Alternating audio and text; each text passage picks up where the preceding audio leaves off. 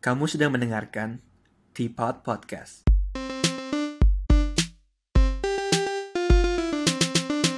Hello, welcome back to Teapot. Masih bersama gue, Fernaldi Sugianto, dan hari ini kita bakal ngomongin soal remote learning, yang sekarang lagi rame-ramenya nih. Nah, untuk topik ini, gue udah ngundang tamu yang sangat spesial, seorang expert di bidang pendidikan, karena tamu kita hari ini adalah seorang guru yang udah ngajar selama 23 tahun. One of the most innovative and passionate teachers yang pernah gue temuin. Guru matematika gue juga pas SMP, Uh, mungkin langsung kita sapa aja, Mem Hedi Lim. Boleh Mem disapa dulu pendengar kita? Oke, okay, halo, halo semua. Terima kasih Fernaldi udah diajak untuk eh, ngobrol-ngobrol di sini ya. Iya, ini soal topiknya lagi lagi ramai banget kan ya iya. remote learning soalnya semuanya lagi pada study at home dan ya sekarang benar-benar masa yang berbeda lah ya dari yang dari yang kita alamin mungkin dua bulan lalu kali ya. Iya benar.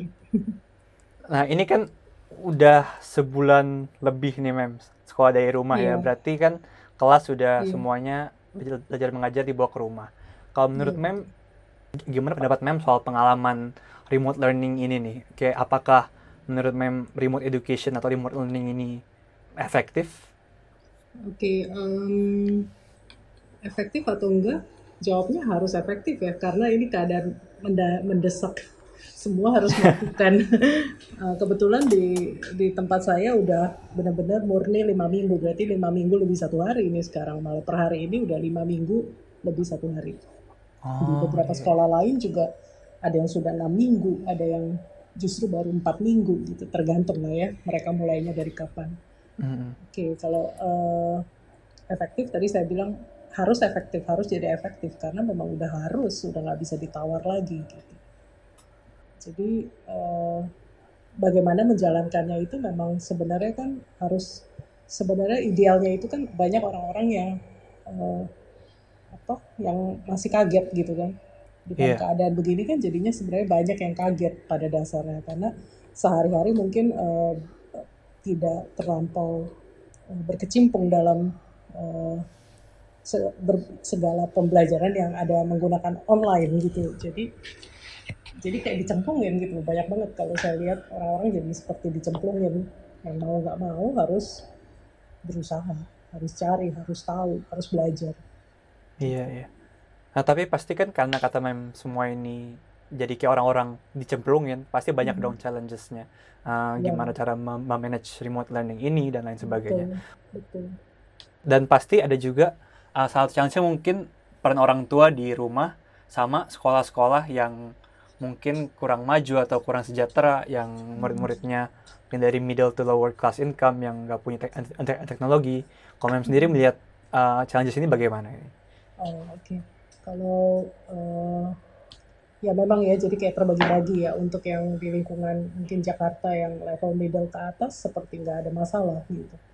Tapi kalau saya Hmm. lihat rekan-rekan di daerah itu juga eh, untuk sekolah-sekolah negeri juga berbagai berbagai macam gitu variasinya. Saya bisa melihat walaupun mereka di daerah di di luar kota besar gitu, tapi eh, kan sebenarnya udah banyak udah banyak juga ya masuk ya eh, internet ke daerah-daerah tersebut dan juga banyak guru-guru yang eh, misalkan dari sekolah negeri yang saya kenal itu rekan-rekan yang terlibat dengan teknologi justru aktif sekali gitu loh mereka Oh. aktif sebagai eh, Microsoft Educator mereka aktif sebagai Google Educator gitu jadi kalau melihat dari lingkungan mereka melalui sosial media sih saya ngelihat justru mereka juga lumayan paham ya. Cukup oke gitu loh. Nah mungkin ada kebetulan rekan saya yang dari Sumbawa saya ngelihat eh, itu memang terbatas sekali jaringan internet. Jadi yang dilakukan sama dia adalah bahwa remote learning ini tidak melulu membicarakan teknologi. Jadi gimana dia eh, mencari cara untuk eh, mengajarkan ke anak-anaknya bukan hanya melalui bukan hanya melulu dengan teknologi gitu loh seperti mungkin guru-guru di Jakarta di kota besar eh, udah persepsinya udah enak pokoknya semua kirim via internet ki- kirim via internet lakukan dalam jaringan misalkan gitu. Tapi kalau di daerah rekan saya yang di Sumbawa itu kan enggak seperti itu. Jadi kalau saya lihat dia suka posting gitu ya, itu banyak pembelajaran yang justru non uh, jaringan bukan di dalam uh, jaringan gitu. Jadi dia bikin kreativitas, kerjain sesuatu, bikin uh, alat peraga, minta anak-anaknya bikin gitu. Kira-kira seperti itu. Nah, tapi kalau kalau offline seperti itu, jadi gimana caranya belajar mengajar ini terjadi gitu dong. Berarti kan oh. maksudnya muridnya nggak nggak bisa ketemu gurunya yeah. dan gurunya nggak bisa ketemu muridnya. A apakah gurunya keliling ke rumah-rumahnya apa gimana? Enggak. Kalau itu sih tetap mereka masih punya handphone ya, pakai WhatsApp. Oh. Gitu. Ya, okay, okay. jadi jadi WhatsApp juga dimanfaatkan gitu loh. WhatsApp dimanfaatkan karena untuk uh, apa untuk daerah daerahnya dia di sana itu kan justru kalau handphone sih pasti ada ya kayaknya kalau handphone sih seluruh orang di Indonesia handphone udah udah banyak kan udah iya, banyak iya, ya, iya, banyak. jadi uh, jadi uh, pemberitahuan melalui uh, WhatsApp atau sekedar email bisa. Cuman dia bilang kalau untuk explore. Misalkan mau conference pakai Microsoft Teams misalkan kayak gitu. Nah itu agak sulit karena nggak semua yeah. siswanya akses ke internet dengan uh, cukup bebas gitu enggak gitu tapi untuk sekedar hmm. memberitahukan itu uh, masih berarti bisa. WhatsAppnya pakai WhatsApp chat gitu grup grup chat ah, gitu palingnya betul betul oh, betul okay, betul okay. untuk saya terus jadi kok mhm. iya betul kalau mau tugas mungkin, itu di foto gitu mungkin betul berarti. betul betul oh, untuk saya mungkin di ya. Jakarta ya? sih saya nggak menggunakan itu justru saya uh, tidak membiasakan menggunakan WhatsApp uh, chat gitu. Kalau kalau saya di Jakarta kenapa? Karena kan kita punya punya banyak tools lain kan. Maksudnya yang benar-benar untuk pembelajaran bukan untuk chatting gitu loh melalui uh, uh, WA jadi bagi saya pribadi sih saya agak menghin bukan menghindari ya tapi justru menekan gitu membiasakan tidak dengan uh, WhatsApp uh, chatting gitu tapi dengan alat uh, media yang lain untuk khusus untuk pembelajaran. Karena kan kita di Jakarta lebih mudah menjangkau itu semua gitu. Benar-benar. Eh karena emang juga WhatsApp itu sebenarnya kan intensinya lebih personal ya. Jadi emang ya, betul. apalagi kalau kalau aku di tempat kerja biasanya chatting pun harus pakai Slack yang buat buat work buat workplace gitu. Jadi hmm. ada boundaries di antara ya. uh, personal dan work working life juga gitu ya. Betul, betul.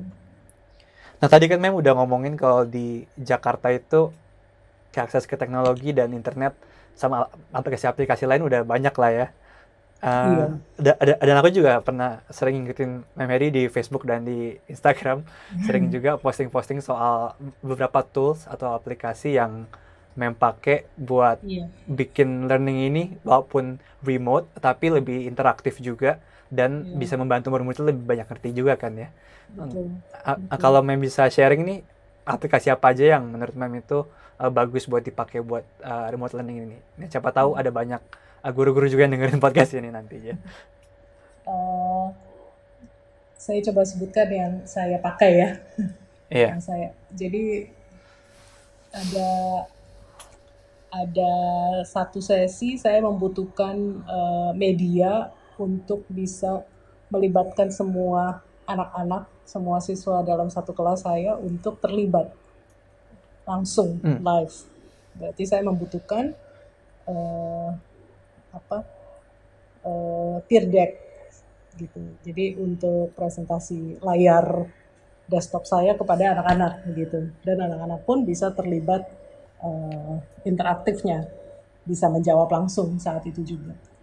Memang ini berbayar, tapi waktu itu uh, dapat kesempatan kan dia buka free selama 30 hari gitu loh apalagi dalam oh, free masa trial. iya dalam masa remote learning ini. Nah itu membantu banget saya menggunakan itu uh, dua tiga kali lumayan. Lalu jadi seperti live streaming gitu ya jadinya? Betul, live streaming ya. presentasi gitu ya? Iya dan bisa langsung minta respon anak-anak menjawab. Itu menarik sih. Dan apabila itu hmm. mau dikembangkan lebih lanjut sih ya memang kita harus uh, ambil fasilitas berbayar gitu ya itu dari Google yeah, iya. Slide yeah. langsung bisa ke Peer Deck untuk presentasi uh, oh. itu bagus lah jadi uh, kita memang dia masuk ke dalam slide uh, Google Slide, lalu kita bisa presentasi melalui peer deck tadi. Lalu yeah. itu kalau spesial, uh, maksudnya itu kalau presentasi yang uh, lebih general. Nah, kalau saya mau presentasi yang lebih spesifik tentang matematika, uh, saya punya Desmos. Desmos ini sering banget saya udah beberapa kali share di forum-forum. Uh, pertama kali mulai dulu di uh, Guest Indonesia. Itu Desmos sekarang punya Desmos Classroom Activity. Jadi dia bentuknya juga mirip seperti peer deck tapi spesifik untuk matematika. Nah itu keren kan kan saya karena ngajarin matematika. Jadi waktu itu saya pernah coba sama saya mempunyai slide dan saya pegang anak-anak respon itu Desmos juga bisa. Gitu bisa uh, mengajak anak-anak semua terlibat di waktu yang sama. Dan saya bisa kontrol juga layarnya. Bisa memberikan uh, feedback kepada mereka direct maupun uh, setelah itu gitu loh komen. Uh, tapi feedback maupun, feedbacknya itu eh bukan feedback apa uh, responnya itu dalam bentuk mm -hmm. apa tuh mem? Uh, dalam bentuk polling atau isian atau atau apa tuh? Isian. Atau bebas? Oh isian. Oh. Iya, langsung langsung langsung aja memberikan respon gitu. Misalnya anak menjawab itu, terus uh, kenapa dia jawab itu gitu. Jadi udah ngerti atau belum? Jadi kayak tanya jawab gitu, kayak kayak ada kolom di sebelahnya kayak chatting kayak kita Skype di sebelahnya oh, ada. Baca. Oh keren iya, banget ya. Jadi iya. kasih jawaban terus memang nanya kenapa jawab ini ntar iya, dia. Wah iya, oke oke. Iya, Jadi personal banget gitu. ya tetap ya. Iya iya lumayan sih. Iya lumayan untuk kita terutama untuk gurunya ya untuk anaknya sih biasanya nggak nggak jadi nggak menjadikan itu sarana chatting mereka tetap memilih email ataupun Google Classroom comment gitu ya. Tapi oh iya, bagi gurunya bagi saya itu itu lebih enak gitu loh menunjuk poin-poin mana yang um, harus mereka perhatikan gitu di kolom feedback itu gitu. Lalu apalagi hmm, sekarang ada lagi tuh yang apa yang kalau saya pakai eh, persamaan matematika fungsi matematika notasi matematika melalui graspable maths. Itu itu baru tuh itu baru banget sekitar eh, saya baru tahu sih dua bulan ya dua bulanan dan uh, kemarin belajar dan ini bakal coba nih sama anak-anak minggu ini atau minggu oh, depan. Keren keren. Itu menarik karena uh, ber, bertahun-tahun, berabad-abad, beratus-ratus tahun kali ya semua orang belajar uh, x tambah 2 sama dengan 5, x berapa, terus begitu.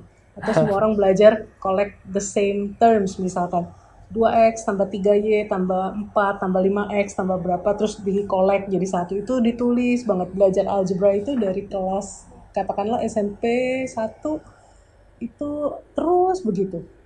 Anak yang punya kemampuan matematis akademisnya bagus akan cepet banget bagus. Apalagi kalau dia kumon katakanlah gitu ya. Tapi anak-anak yang yang punya yeah. daya tangkap matematisnya nggak bagus itu akan jadi pusing kan boring dia. Apa ini? Kenapa mesti X ditemenin sama X gitu? Y ditemenin sama Y? Kira-kira kayak gitu. Nah untuk membantu anak-anak itu ini ada uh, apa ya software ba bagus banget Graspable Math dan dia uh, apa semuanya tuh digital. Matematiknya aktivitinya dibikin digital teknologi matematik jadi kita nggak perlu tulis tapi kita bisa tahu uh, apa belajar misalkan belajar bagaimana mengurutkan uh, operasi pada matematika. Kalau ada penjumlahan, pengurangan, perkalian, pembagian mana duluan. Dan dia bisa Pemdas, langsung gitu. Ya? iya, uh, dia bisa spontan jadi kayak itu kalau salah dia nggak akan bekerja, dia akan diem aja, nggak bisa. Mau kita apain, mau kita uh, pindahin kursor segala nggak bisa. Tapi begitu kita benar secara operasi matematika, dia akan um, berjalan dengan benar gitu. Menarik. Jadi sih. mungkin jadi lebih visual kali ya Betul, pengajarannya ya. Iya. Iya, iya, iya. Itu visual. Itu juga itu bagus untuk remote learning ini. Iya, iya. Bagus untuk untuk mereka jadi nggak bosen ya kalau cuma sekedar kertas lalu kirim submit begitu. iya. Itu membosankan. Apakah saya nggak begitu ada juga begitu cuma maksudnya bagaimana supaya itu dikombinasiin dengan yang lain-lain gitu ah, ya itu penting banget sih kalau apalagi kalau belajar di, di rumah kan pasti vibe-nya berbeda gitu ya iya. apalagi kurang supervisi kalau cuma liatin kertas doang mungkin jadi nggak niat belajar kali ya iya sama kalau saya menggunakan fasilitas kolaborasi itu. Kolaborasi uh, lucu juga kolaborasi di uh, Google Docs gitu. Jadi mereka uh, apa 45 anak itu jadi satu uh, ramai sekali. Uh, saya bagi dua kelas jadi kayak kira-kira 20 22 23 gitu ya. Itu uh, semuanya masuk ke dalam dokumen yang sama lalu apa, kontribusi soal dan kontribusi jawaban. Jadi mereka berebutan mau jawab puja siapa gitu. Itu itu menarik sih. menarik juga. Iya. Dan itu udah lewat, udah udah udah berhasil dilaksanakan. Senang juga sih. Semua terlibat. Iya, iya. Lalu Oke, ini menarik, mhm. menarik banget yang aku sempat komen di Instagramnya kan ini kayak kayak mem bisa merubah kesulitan ini jadi sebuah ajang buat coba-coba hal yang baru ya mem ya. Iya, semoga lah. Oh, tadi berarti setelah yang kolaborasi itu dengan Google Docs hmm. ada lagi atau hmm. kira-kira itu? Apa ya? Ada lah ya di kepala, cuman nggak kesebut. Kadang lupa. Hmm. Yang essential berarti yang tadi mem sebutin lah ya. Gimana caranya yeah, yeah. Uh, bisa belajar bareng-bareng, terus bisa ngasih yeah. feedback juga dari yeah. setiap soal. Yeah. Menurut aku malah yang feedback ini kalau dengar dari iya. penjelasan yeah. Mem malah lebih advance dibanding belajar di kelas ya Mem. kan kalau belajar di kelas ngerjain misalnya mak uh, pakai worksheet gitu. Oh. Setiap anak jawabnya jawabnya beda-beda kan Mem mesti lihat satu-satu. Tapi kalau misalnya di mem bisa lihat semua jawabannya dalam sekaligus kan ya? bisa meng, iya terus bisa mengelompokkan orang mana yang kira-kira sudah mengerti yang hampir mengerti sama yang belum mengerti malah ya. Iya, dan kerennya adalah uh, saya bisa broadcast jawaban anak-anak yang uh, mendekati sempurna misalkan. Jadi jawaban dari temannya itu dari salah satu atau salah dua temannya itu bisa di broadcast ke teman-teman yang lain untuk sebagai contoh. Oh gitu. iya iya. Itu menarik. Bisa bisa langsung dijadiin contoh betul. yang salah ataupun yang benar gitu ya. Betul iya di di dan itu uh, apa ya kita juga bisa atur. Misalkan kalau mungkin kalau di rumah agak sulit ya yang terjadi kalau karena uh, apa anak-anak ada yang mungkin belum buka di waktu yang sama dengan temannya gitu ya. Tapi intinya hmm. adalah bahwa itu bisa uh, kita atur. Jadi kalau misalkan benar-benar presentasi yang strict banget yang saya bisa katakan harus buka dari jam 8 sampai jam 9 misalkan gitu. Itu bagusnya adalah uh, mereka bisa bekerja step by step sesuai dengan yang saya mau. Saya mau buka slide ke 5, saya hanya buka slide ke 5. Saya mau buka slide ke 7, saya hanya saya hanya satu itu aja. Jadi mereka fokus gitu loh. Jadi mereka yeah, iya. fokus yeah. ke yang uh, dikomandoin oleh gurunya, oleh kita gitu. Iya, yeah, iya. Yeah. Oh, berarti emang jam sekolah itu berarti udah nggak nentu sekarang nih, Mem? Atau gimana? Enggak, sesuai jadwal sih. Kalau saya sih prefer memang sesuai jadwal ya, karena itu kan demi kelancaran dan kemudahan ya. Iya. Cuman yang terjadi di lapangan, ya, ya gitu deh. ada, ada yang iya, ada yang merasa pagi-pagi nggak bisa bangunin anaknya, jadi minta dipakai di sesi jam lain gitu yang jadi yang jadi bisa beradu deh gitu. Tapi menurut saya sih memang kita harus strict di apa di jadwal di jadwal pelajaran sekolah karena itu ada yang terbaik gitu loh kecuali hmm. mau mau mengatur jadwal lagi yang baru. Ya itu terserah juga gitu loh. Yeah. Ya. cuman kalau tidak ada jadwal yang baru ya yang paling baik adalah mengatur di slot-slot kita kan setiap hari. Yeah, kalau nggak yeah. jadi berantakan kan nabrak sana nabrak sini. Ya padahal kan sebenarnya sama aja ya kayak kayak sekolah ya bangun pagi juga ya. Malah iya, lebih cepat gak usah mandi lagi ya langsung nongkrong ya di langsung nongkrong di depan komputer. Iya dan memang ada satu hal yang apa bagi saya bagi saya yang namanya pelajaran online itu adalah uh, kan nggak mesti melulu video call kan kalau kalau bagi saya gitu loh.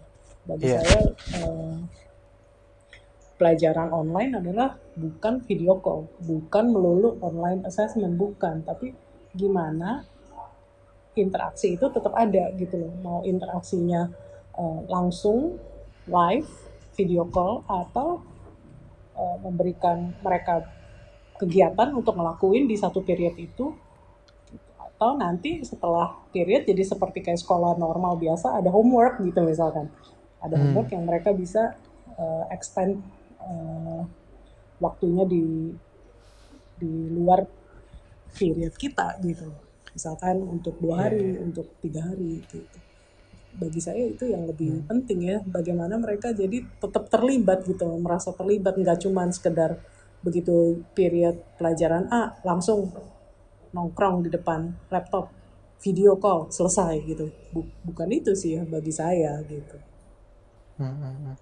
iya iya tadi juga kita ngomongin teknologi kan sebenarnya uh, dari kita SMP pun Mem Heri udah sering pakai teknologi ya buat ngajar kita di nah, kelas. aku ya se iya. sempat kagum pas Mem pakai pakai pakai iPad buat gambar-gambar uh, contoh-contoh juga ya di di jenisnya di iPad keluarnya di proyektor gitu kan ya. Dulu belum uh, ada iPad tuh itu oh dulu pakai iPad oh pakai Wacom. Makanya oh, sih. wah lebih keren lagi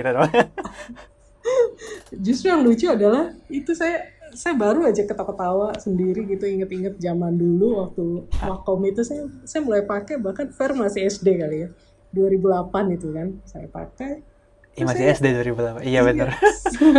saya suka cerita-cerita gitu ke teman-teman ngajakin, ayo ngapain pakai papan tulis lagi, ayo pakai Wacom gitu. Jadi bisa bisa presentasi dengan uh, segala macam bisa di dijadiin satu di satu layar papan tulis kita. Kita bisa tinggal link-link-link aja gitu kan. Iya, Gak iya. cuma sekedar tulis tangan. Saat itu banyak yang ketawa kok saya aneh ya nulis nggak ada kelihatan di Wacom kelihatannya langsung di layar tapi lucunya adalah kemarin uh, Wacom baru-baru ini kan juga keluar tuh Wacom kan terus-terus keluar juga kan yang iya. Wacom One itu malah promonya dia adalah sampai saya retweet tuh promonya dia adalah uh, ayo dalam masa remote learning ini ini membantu untuk uh, sharing whiteboard Eh, Terus saya jadi ketawa. Ya itulah teknologi. Mem udah 12 tahun ahead ya.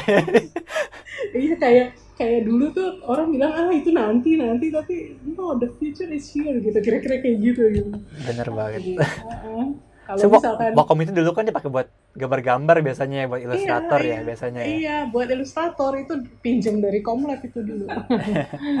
Menarik yeah. sih. Cuma maksudnya adalah bahwa bahwa ya itu ya yang saya maksud tadi di awal keterbiasaan orang hmm. untuk menyikapi uh, menggunakan teknologinya uh, tepat guna mengerti memanfaatkan dengan baik atau cuma sekedar euforia aja gitu. Yang penting gue pakai nih semua pakai gitu. Tapi uh, poinnya ke mana gitu itu yang iya iya. semua orang harus aware tuh harus belajar. Supaya hmm. tahu poinnya ke mana itu bener banget sih. Makanya aku juga kemarin kan karena bahkan aku jadi ingat-ingat lagi jadi lebih kagum mem udah pakai Wacom waktu SMP pas saya kuliah mem hmm. jadi pas saya kuliah itu dosen-dosennya banyak yang udah tua-tua kan hmm. mereka ini sebenarnya kurang kadang-kadang kurang fasih berteknologi juga gitu hmm. yang bikin slide-nya bener-bener template-nya putih doang boring hmm. terus abis itu semua itu isinya tulisan dan, dan, dan bahkan ada masih ada juga dosen yang suka make OHP memang ini mungkin okay. buat pendengar yang nggak tahu nih yang yang masih muda OHP. mungkin. OHP itu tuh kayak proyektor tapi cara proyeknya mesti nulis di kertas yang bening Plastik. gitu. Di, di kertas di kertas bening dipakai pakai spidol gitu kan. Iya bener. Nah ini jadi kayak tadi mem juga bilang kayak, kayak aku jadi pengen nanya sesuatu juga nih. Jadi jadi kan banyak dosen yang mungkin juga mikirnya ah ngapain gue keep up sama te teknologi? Kalau misalnya dengan dengan kertas dan pen aja gue udah bisa nyampein konsep yang gue pengen sampein dengan jelas gitu. Jadi apakah hmm. menurut mem hal ini uh, boleh-boleh aja sah-sah aja pakai kertas doang gitu? A atau sebenarnya ada tujuan lain dengan kita belajar teknologi ini nih tujuan lain sebenarnya sekarang inilah kenyataannya. Inilah jawabannya kenapa kita mesti belajar cara lain itu ya sekarang semua dari rumah ke rumah remote learning begini. Jadi mungkin ini kayak warning ya jadi bahwa uh, kita tetap harus harus belajar. Bahkan uh, lucu juga sih di antara rekan-rekan saya sendiri ada yang mengatakan ini ini kita belum terbiasa. Kita pengen kan next time kalau keadaan udah normal next time kita bikin uh, a week of online learning supaya kita terbiasa. Begitu mereka bilang jadi ada beberapa rekan yang bicara seperti itu. Nah terus kita ditanya saya ditanya setuju atau enggak? Ya untuk pembiasaan untuk pembelajaran ya boleh juga kenapa enggak? Cuman kan memang itu nanti polisinya harus lebih tinggi kan, dari pembuat kebijakan di sekolah masing-masing gitu kan cuman ya. poinnya adalah bahwa ternyata orang-orang berpikir bahwa nggak bisa cuma sekedar cara pen pensil sama kertas aja. Karena kita tidak ada di situasi apa remote learning ini harus bisa harus tahu cara pakainya dan harus bisa um, membuat anak-anak juga merasa dia belajar. Kalau enggak, lama-lama ini saya kok berpikir kayak lama-lama semakin semakin orang bisa melihat bahwa jadi apa gunanya saya perlu sekolah apa apa gunanya lagi saya mesti datang ke sebuah institusi misalkan gitu. Hmm. kalau uh, ternyata sebenarnya dengan apa dengan dengan begini saya bisa melakukan dengan cara lain gitu. Nah ini yang perlu dipikirkan kan sama sekolah jadi poinnya tuh apa yang bisa bikin sekolah masih bisa dipertahankan oleh uh, sekolah sendiri atau oleh orang tua misalkan? Apa ya poin lebihnya ya? Kalau cuman udah di rumah pun cuman dikasih kertas-kertas doang gitu umpamanya hmm. udah di rumah cuma kertas-kertas doang yang dikirimin kirimin kok apalagi kalau lucu deh kan kalau lihat dari sosial media gitu ya ada hmm. anak-anak yang masih SD TK besar gitu yang sudah mulai diajak belajar cuma hmm. dikirimin kertas-kertas ke orang tuanya email lalu di print lalu bikin kertas-kertas itu disamit kembali gitu. Jadi anak-anak itu cuma dikasih kertas-kertas-kertas gitu. Lalu kan orang akan berpikir orang tua apa saya masih butuh nih? Kertas ya dalam bertanya dari berbagai research. Sebenarnya ya kan? Jadi itu sebenarnya ya warning buat kita semua deh dari pihak sekolah dari guru orang tua melihat berbagai cara itu mesti mesti kita pikirkan teknologi bisa baiknya seperti apa sejauh Iya. Saya, Jadi maksud ya jadi mungkin kalau aku bisa uh, aku pikir dari mem berarti mak maksudnya itu walaupun misalnya guru ini atau dosen ini udah bisa dengan efektif menyampaikan konsep yang dia pengen sampaikan dengan kertas hmm. dan kertas sama pen doang tapi di zaman sekarang ini dia juga harus lebih siap untuk uh, apa mempersiapkan diri buat yang hal-hal yang tidak terduga kayak sekarang gini gitu kali ya. Iya. Jadi di saat gitu dibutuhkan pakai teknologi, dia juga harus siap langsung banting setir gitu lah ya iya kira-kira yeah. seperti itu sama pola pikir ya sama pola pikir jangan jangan juga berpikir saya nggak tahu ya mungkin ada kali ya yang anak-anak sedang merasa risau sekarang karena yang namanya online assessment itu berpikir banyak kan di tesnya terus gitu ya mungkin oh. saya nggak tahu tapi saya harap sih itu nggak nggak terjadi di kebanyakan anak-anak karena kesian kalau saya kalau saya pola pikir pertama adalah uh, bagaimana supaya anak-anak itu tetap terlibat gitu Saya pikir selalu terlibat. Jadi bukan bukan dengan apa ya mungkin kata-kata ini terlalu keras kali ya. Uh. Tapi saya nggak tahu kata-kata lain. Bukan semacam mengancam gitu, mengancam bahwa uh, kamu tetap dapat nilai dari sekolah, kamu harus kerjain ini, ini, ini, ini, ini gitu. Oh. nangkep nggak maksudnya saya? Ke kata ya, mungkin terlalu mungkin, keras saya tapi saya nggak nggak mungkin ma mas mem itu itu kenapa mem mau anak-anak ini belajar karena mereka ingin tahu sesuatu bukan karena mereka diancam mendapat nilai kira -kira doang gitu, kan. kira-kira ya, kayak gitu. Karena kan ya. sekarang istilahnya kan anak-anak itu di rumah orang guru di rumah sendiri maksudnya terpisah gitu nggak ada pertemuan fisik. Jadi eh, jangan sampai anak-anak itu ngerasa bahwa waduh ini nggak ketemu terus saya jadi bebas sebebas bebasnya atau justru malah takut setakut takutnya karena Iya benar. apa yang akan terjadi nih saya? Bagaimana nih dengan nilai saya gitu? Nah, semoga sih nggak seperti itu gitu yang saya harapnya Tapi dulu malah saya pernah dengar di media luar katanya, uh, kan kemarin pas dibilang semuanya sekarang study from home, banyak murid yang senang gitu kan. Mm-mm. Jadi katanya pada saat uh, pandemi yang banyak membunuh orang bikin murid senang buat tinggal di rumah itu, berarti ada yang salah dengan sistem sekolah kayaknya. good point. Bisa jadi tuh. Ya kayak, kayak masa mereka lebih seneng ya nggak nggak apa deh nggak sekolah. Tapi padahal kan di luar ada yang lebih parah gitu. Virus ini kan bunuh banyak orang deh mereka malah seneng karena mereka nggak usah sekolah gitu. Oh, oke. Bisa jadi ya. Iya. Waduh itu tuh yang mesti dipikirin. Benar. nanti apa poinnya? Eh, sekolah itu nggak ada poin. Mm. Nah, tadi balik sedikit mem ke Ya. yang kan kata mem ini kan rasanya kayak dicemplungin nih semua orang Ya. yang katanya pada belum siap dan kalau misalnya kita tarik balik ke belakang mungkin dulu kalau misalnya kita bilang yuk sekolah kita udah mau re- udah mau revolusi nih mau ganti pelan-pelan kita mulai meng mengintegrate remote learning atau pakai te- teknologi pasti se- semua orang banyak alasannya kan kalau pada bilang oh itu mah butuh proses butuh pelatihan bu- butuh waktu yang berubah nah tapi kan saat ini menarik banget nih virus Iya, iya. virus ini Iya. kan tidak memberikan waktu buat kita gitu Betul. kan nah Iya, tapi dengan mengesampingkan health effect dari virus ini apakah menurut mem sebenarnya hal ini itu hal yang baik buat ke depannya buat pendidikan buat pendidikan Indonesia Eh, eh, sejujurnya jadi bilang iya jadi bilang Iya, jadi kayak apa? Ini kayak iya yang benar kata Fernandi tadi kalau terlepas dari adanya kita ini ya pandemi ini, tapi dengan kondisi yang semua di press harus melakukan s- model pembelajaran seperti ini ya, ke depannya semoga lebih baik.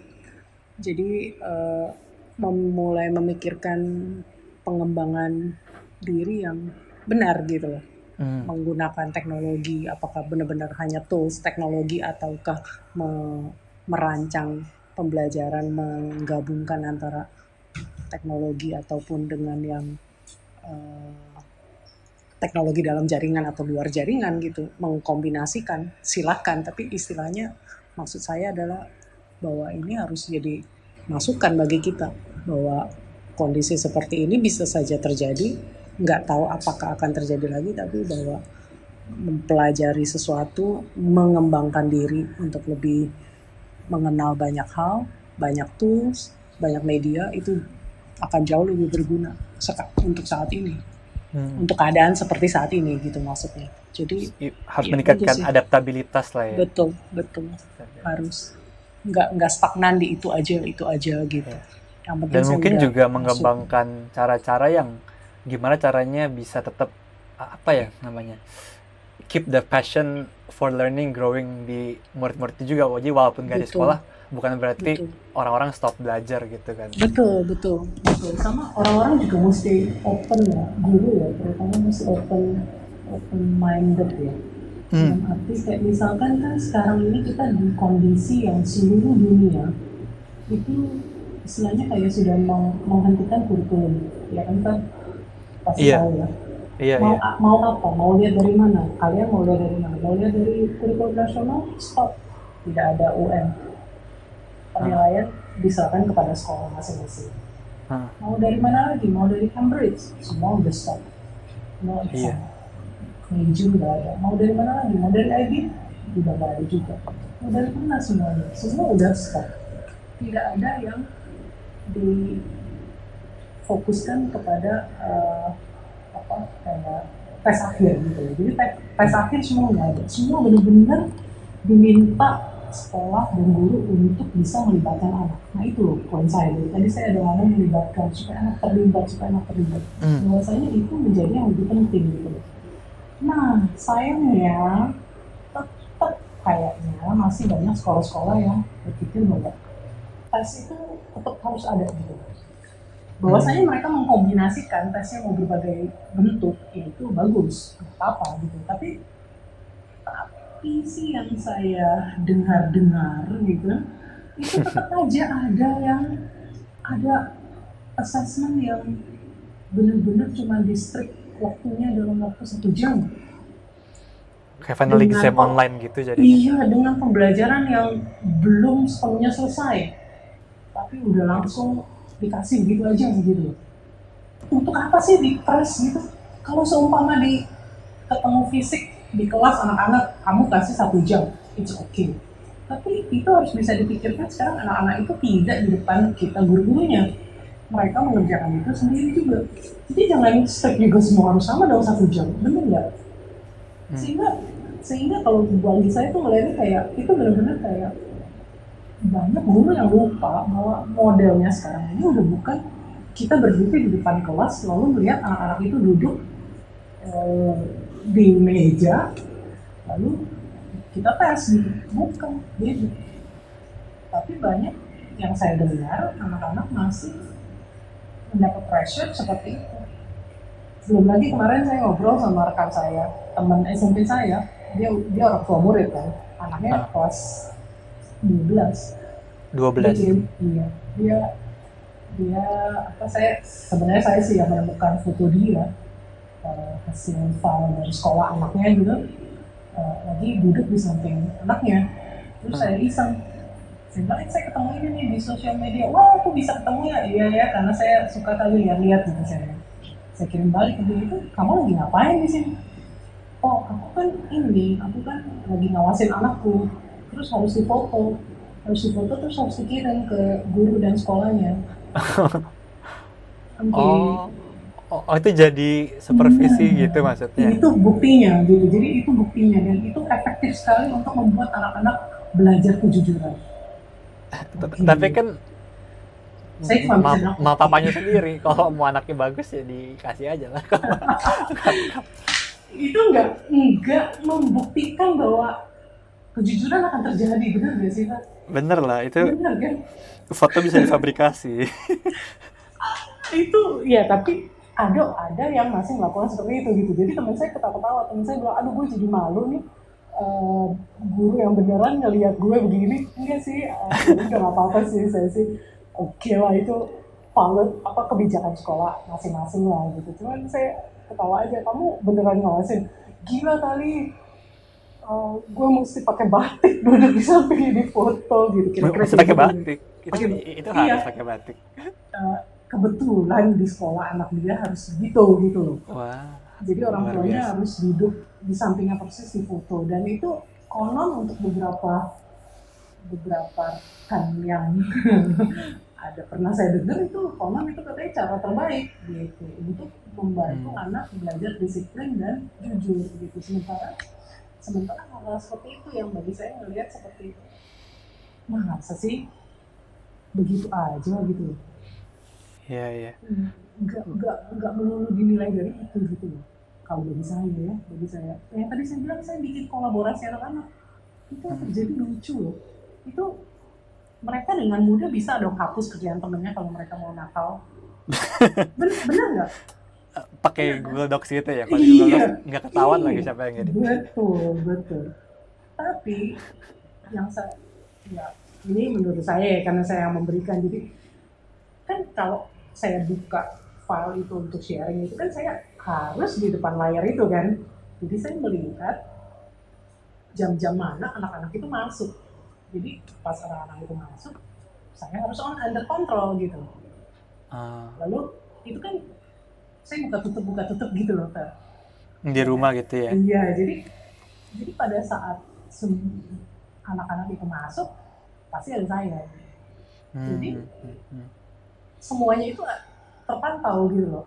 Dan Iya. tanpa saya pantau pun, tanpa saya tanpa saya bilang "Eh, nggak boleh gini, nggak boleh ini, terlalu banyak nggak boleh. Saya merasa anak-anak ini cukup dewasa untuk tidak melakukan hal-hal yang sangat kita takutkan sebagai guru. Gitu. Iya, Bagi saya ya. Jadi iya, iya. ya menilai kejujuran ya bisa dengan apa yang kita lakukan anak-anak ngeliat oh ya saya mesti begini saya mesti begini gitu kalau misalnya Jadi, Mungkin saya dengan juga- dikasih kepercayaan juga malah bisa lebih- kejujuran mereka lah ya. Nah, itu itu juga poinnya saya gitu. Kan saya Iya. bingung sampai dengan yang apa istilah harus assessment itu harus uh, strict waktunya padahal dengan pembelajaran seperti ini aja sudah sudah banyak yang apa sudah banyak yang berbeda kan dengan kamu hadapin guru hadapin di kelas dengan anaknya yang bisa langsung bertanya saat itu kan? Iya, iya. enggak. Ini si guru merasa dia udah video call. Oh, udah beres pelajarannya nggak ada tanya salah kamu ya. Nah lu. Nggak Ya, itu bisa gitu loh bagi saya. nah, Iya, nah, iya. mindset mindset seperti itu yang saya merasa semoga nggak kebanyakan seperti itu Iya, iya. Pa- pasti ada sih ya, cuma cuma semoga nggak banyak. Lebih banyak yang kayak Heidi semoga ya. Oke, kita potong di sini dulu karena obrolan kita masih lumayan panjang. Jangan lupa uh, tungguin part 2 dari perspektif ini dan ya seperti biasa jangan lupa follow podcast kita juga di Spotify dan di Instagram at underscore podcast and yeah I'll see you guys in the next perspective bye